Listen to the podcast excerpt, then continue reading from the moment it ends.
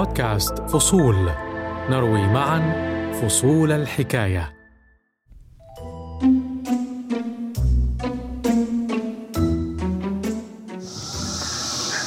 هلو لك روبوت Starship اجا لمين عم يودي الأكل؟ اهلين وقف لأنه فكر يمكن إحنا ما يخبطنا. ليس كل من تراهم وأنت تعبر الطريق. يعلقون في ذاكرتك. إلا أن هذا العابر مختلف ولن تخطئه عينك أو حتى أذنك. هذا العابر صغير الحجم هو روبوت شركة Starship هيئته الخارجية تشبه ثلاجة صغيرة لها ست عجلات لا يزيد طوله عن ركبة الشخص البالغ وتستطيع احتضانه بكلتا ذراعيك حتى من قدام هلا شغالين بس أكيد بالليل بيساعدوا مشان يشوفوا الطريق. جامعة جورج ميسون هي موطن السيد روبوت. هنا في العاصمة الأمريكية واشنطن. أما وظيفته فهي إيصال الطعام في نطاق حرم الجامعة وما حولها. بأقل من دولارين وفي بضع دقائق يوصل لك الطعام. روبوت خفيف الظل. هلا الروبوت عم يفتح. Here's your delivery. ومهذب. Thank you. إلا أن لكل ذلك وجها آخر. فشخص أو عدة أشخاص خسروا وظائفهم. لصالح السيد روبوت.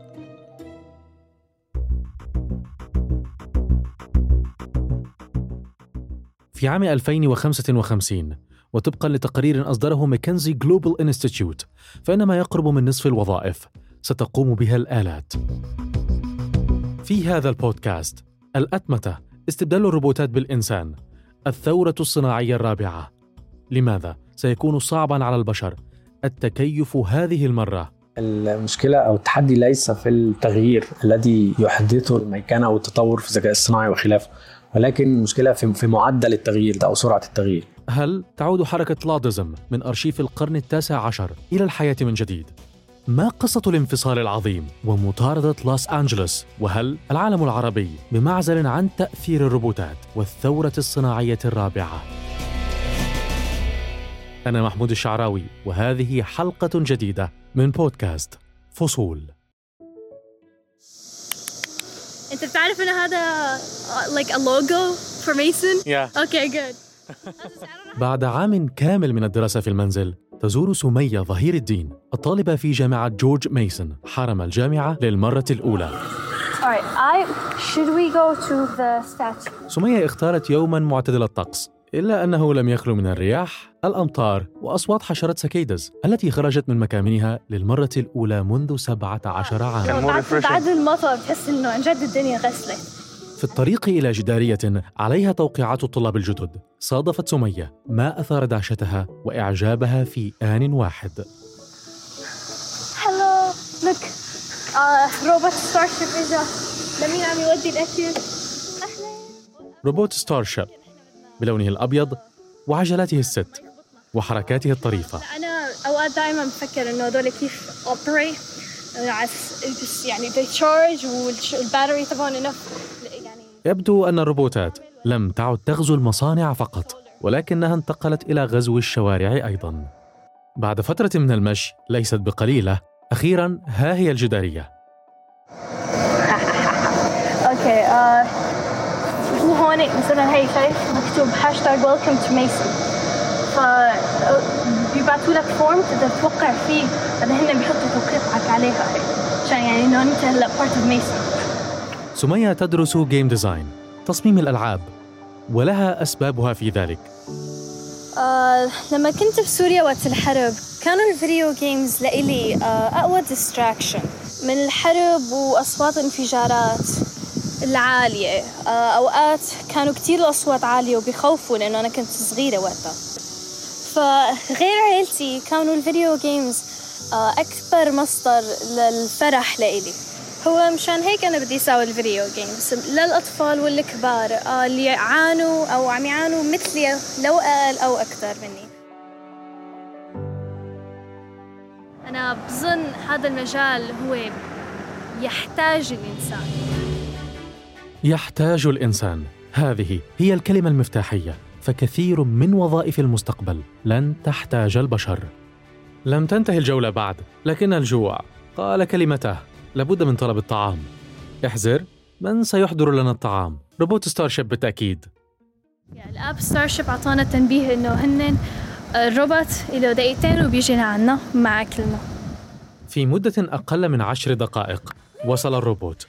لكنه وصل إلى الطرف الآخر من المبنى فلحقناه إلى هناك. هلا الروبوت عم يفتح. أوه. فليكو أكلنا إجا. packaged very well Thank you.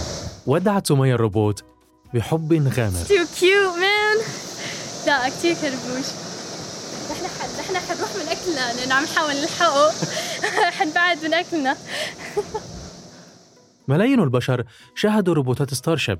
في رحلاتها اليومية. والكثيرون يبتهجون لرؤيتها. مراسل مجلة باز فيد قال إنه وأثناء إجرائه تقريرا صحفيا عن هذه الروبوتات خرجت واحدة من عاملات توصيل الطعام بشكل عفوي أشارت إلى الروبوت وقالت له أنا أكرهك. هذه الكراهية تذكرنا أن هذه الثورة الصناعية الرابعة ثورة الروبوتات ستكون مختلفة وصعبة على الوظائف. وهذا البودكاست يبحث في سؤال لماذا. قبل ذلك تعال نسأل دكتور منير ربيع وهو رائد أعمال وشريك مؤسس لشركة روفو سويت المتخصصة في برمجيات الأعمال والذكاء الاصطناعي عن سر هذه الكراهية. أظن إن الكراهية مرتبط أكتر ب- بشخصنة فكرة ال- الروبوت أو فكرة ما يسمى بالأنثروبومورفيزم. إن إحنا بنشوف ال- الآلة أو الروبوت في شكل إنسان. كراهية التكنولوجيا لها جذور تاريخية ولها أيضا كلمة تصفها في القاموس لادايت في بدايات القرن التاسع عشر بدأ أصحاب المصانع بإدخال الآلات في مصانعهم مستغنين بذلك عن كثير من العمال المهرة فماذا كانت النتيجة؟ المصانع ابتدت تستغني عن بعض العمالة. بعض من الناس دي بقوا يدخلوا للمصانع دي ويحاولوا يكسروا الآلات فعلا ونجحوا يعني في تكسير بعض الآلات اللي هي إيه؟ آلات النسيج المميكنه دي. فده آه، أدى إلى ظهور آه، حركة اللي هي حركة اللادزم أو الناس اللي بتاع عليهم لادايتس. وأصبحت الكلمة في القاموس مرادف لفكرة الشخص المعادي أو الكاره للتكنولوجيا. والوصف الأفضل بقى اللي هو الشخص المعادي لما يسمى بال labor automation أو الايه الميكنة اللي ممكن تحل محل محل جزء أو كل من اللي بيعمله العامل في مصنع أو وامثله تانية كتير. وأصبح الواقع بعد كده في قمة الثورة الصناعية. التعامل مع الآلة والميكنة يعني. لحد بقى ما وصلنا بعد كده لعصر الميكنة فيها استخدام للروبوت في التصنيع وخطوط التجميع والإنتاج. طبعا زي المشاهد الشهيرة اللي بنشوفها في مصانع إنتاج العربيات. بحسب كتاب خمسون اختراعا شكلت الاقتصاد الحديث. فمنذ أن قامت شركة جنرال موتورز بتركيب أول روبوت عام 1961 للمساعدة في عمليات اللحام. ومعدل دخول الروبوتات سوق العمل يتضاعف كل خمس سنوات. على يوتيوب يمكنك مشاهدة الروبوتات. تعمل جنبا إلى جنب مع البشر في مخازن شركة أمازون العملاقة وتزيد الإنتاجية بمقدار أربعة أضعاف. الأمور تبدو جيدة إلى هذا الحد. الوظائف موجودة الإنتاجية تزيد. فما الذي تغير؟ تغيرت عدة أشياء وليس شيئا واحدا. سرعة حدوث التغيير جودة الوظائف المتبقية Great Decoupling أو الانفصال العظيم.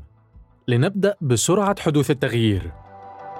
كنا نلاحظ ان الزمن ما بين ظهور تكنولوجيا جديدة وانتشارها واختفاء الوظائف كان ممكن يحصل على فترة زمنية كبيرة نسبيا. فكان بيبقى الناس اللي كانوا شغالين في الوظائف دي بيبقى يعني سنهم كبر وخلاص وماتوا يعني.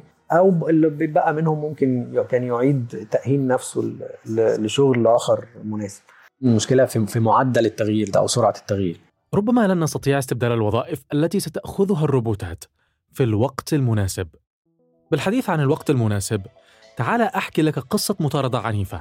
كان بطلاها التوقيت المناسب وسائق شاحنة.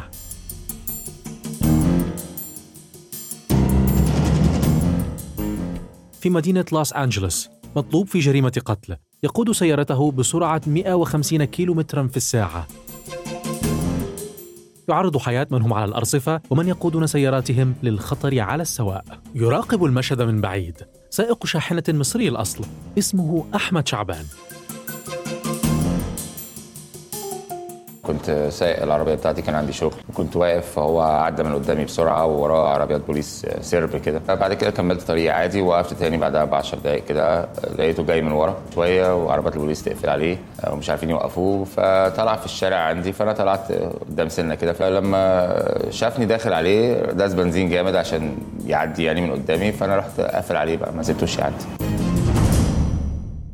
في الوقت المناسب قرر أحمد الاندفاع بالشاحنة والاصطدام بسيارة المشتبه به. أنا كنت خايف بس يموت طفل أو يخبط في عربية فيها حد يموته يعني كانت سرعته عالية جدا الصحافة الأمريكية والعربية اعتبرت أحمد بطلا وثمنت بشكل كبير شجاعته وقدرته على اتخاذ القرار المناسب ابن الإسكندرية البار الفضل المصري أحمد شعبان A lot of people don't want to get involved, Ahmad. You did it instinctively. Um, you knew it was dangerous. You did it anyway. That defines heroism and courage. And السؤال هنا ماذا لو كان يقود هذه الشاحنة؟ الذكاء الاصطناعي؟ مهنة قيادة الشاحنات واحدة من الوظائف المهددة بشكل كبير. يتوقع أن يفقد ثلاثة أرباع من يعملون في هذه المهنة. وظائفهم لصالح السيارات ذاتية القيادة في سنوات قليلة. سيكون ذلك صعبا على البعض. خصوصا إذا كانت لديهم ارتباطات تتجاوز فكرة العمل فقط من أجل كسب لقمة العيش. عربيتي حبيبتي آه لا عربيتي دي أقول لك تعبت فيها جدا أنا جبتها و... أنا مسمي العربية على اسم والدتي الله يرحمها. اسم والدتي مكتوب على ال- على العربية ورقم العربية تاريخ ميلاد أمي فعربية غالية عندي جدا جدا. الوظائف المهددة ليست فقط هي تلك التي في المصانع أو على الطرقات. التخوف من تأثير تكنولوجيا زي الذكاء الصناعي مش بس في حاجات زي التصنيع والقيادة الذاتية للعربيات والشاحنات ولكن برضو الموضوع بيتعدى معظم المجالات. لو الشغل اللي انت بتعمله أو جزء من الشغل وظيفة أو شغلة مكررة وبالتالي يمكن ميكنتها أو يمكن استبدالها ممكن نقول بذكاء صناعي أو بحاجة آه، روبوتك وده يشمل وظائف في مجالات زي القانون ليجل تك وطبعا في المجال الطبي. مرة أخرى المشكلة ليست في التغيير ولكن في سرعة حدوثه. لنعد إلى كتاب خمسون اختراعا شكلت الاقتصاد الحديث فهو يشير إلى متغير آخر. جودة الوظائف المتاحة. سابقا التكنولوجيا ساعدتنا على أن نحتفظ بوظائف أفضل ونترك الوظائف الصعبة للآلات. لكن مع هذه الثورة الجديدة الوظائف المتبقية للبشر ربما تكون أسوأ. يشير الكتاب إلى العمل الكرتوني الشهير في الستينات The Jetsons. The Jetsons تنبأ بروبوت تدعى روزي تقوم بالأعمال المنزلية. Rosie! Sir. Here I am, sir. Yes, sir. أين روزي الآن؟ لازلنا بعيدين عن رؤيتها حقيقة في بيوتنا مارتن فورد مؤلف كتاب نهضة الروبوتات يشير إلى حقيقة أن الروبوتات تستطيع قيادة الطائرات، لعب الشطرنج، لكنها إلى الآن لا تستطيع تنظيف المراحيض. فهل تشوه الروبوتات حياتنا؟ ذكرت لك قبل قليل Great Decoupling الانفصال العظيم وهو مفهوم يبدو صعبا قليلا. دكتور منير ربيع لديه شرح قد يساعدنا على الفهم. The Great Decoupling أو الانفصال العظيم أو الملاحظ فيه إن مع زيادة الإنتاجية للمصانع وخلافه ده لم يواكبه زيادة في عدد الوظائف المتاحة وفي وفي الأجور تعال نأخذ مثالا عمليا لهضم فكرة الانفصال العظيم أكثر وأكثر. قبل 30 أو 40 سنة إذا كان هناك صاحب مصنع يريد زيادة الإنتاجية، كان سيوظف المزيد من العمال، يعطيهم الرواتب، وبالتالي فهو يتقاسم معهم ثمار الإنتاج. الآن ليس ضروريا فعل ذلك، فمن الممكن زيادة الإنتاجية والثروة بدون الحاجة إلى توظيف المزيد من البشر، فالآلات، الآلات، الروبوتات تقوم بهذه المهمة، مهمة زيادة الإنتاجية. من الطريف برضو ان أصل كلمة روبوت هي كلمة سلوفونيك الأصول يعني أوروبية شرقية هي كلمة روبوتا اللي هي معناها serf labor أو التسخير أو السخرة يعني. في الخمسين سنة ما بين عام 2015 و 2065 سيتحسن معدل الإنتاجية السنوية ثلاثة أضعاف بفعل الأتمتة. زيادة الإنتاجية خبر جيد، لكن انفصال زيادة الإنتاجية عن الجهد البشري هو خبر سيء. Great Decoupling الانفصال العظيم. ما قيمتنا كبشر إذا لم نكن منتجين؟ Old demonstrator model with a lot of mileage. Rosie! Coming, sir. قبل أن تتهمني بالسوداوية وبرسم سيناريو قاتم تمهل فالمستقبل ليس ضروريا أن يكون بهذه السوداوية إنه فقط مختلف هذه الموجة من الثورة الصناعية بالتحديد مختلفة الروبوتات تستبدل وظائف بشرية بأسرع من قدرتنا على التكيف حدث انفصال عظيم بين زيادة الإنتاجية وزيادة الوظائف ودخول الأفراد ويبدو أن الوظائف المتبقية للبشر لن تكون جيدة بالقدر الكافي.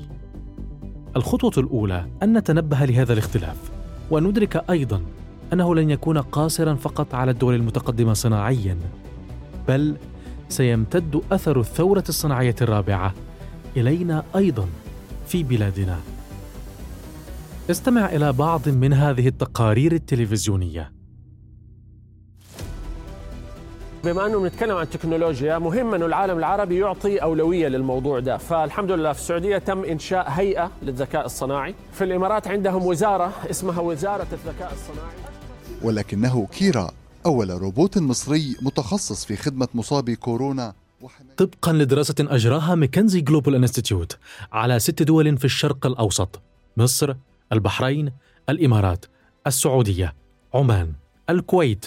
فإن نصف الوظائف تقريبا ستكون قابلة للأتمتة بحلول عام 2030 ما يحدث في البلدان المتقدمة صناعيا يسبق بلادنا بخطوة أو بخطوتين. لكنه قادم قادم لا محالة.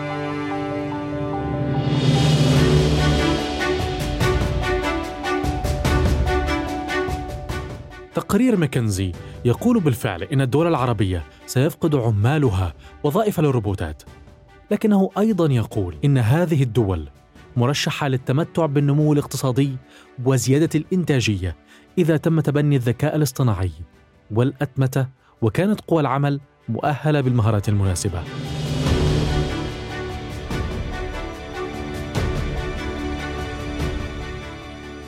في النهاية الأتمتة مسار طبيعي.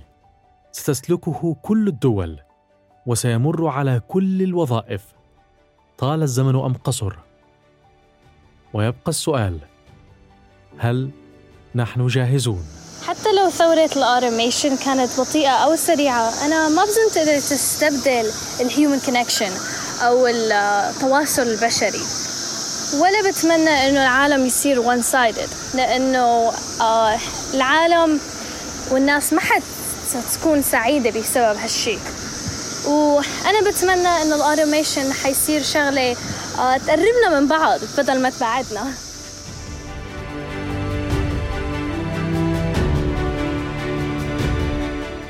أنا محمود الشعراوي. دمت في صحة وعافية. بودكاست فصول. يأتيكم من شبكة الشرق الأوسط للإرسال. اشتركوا على Apple Podcasts Google Podcasts و SoundCloud لتصلكم الحلقات صباح كل اثنين.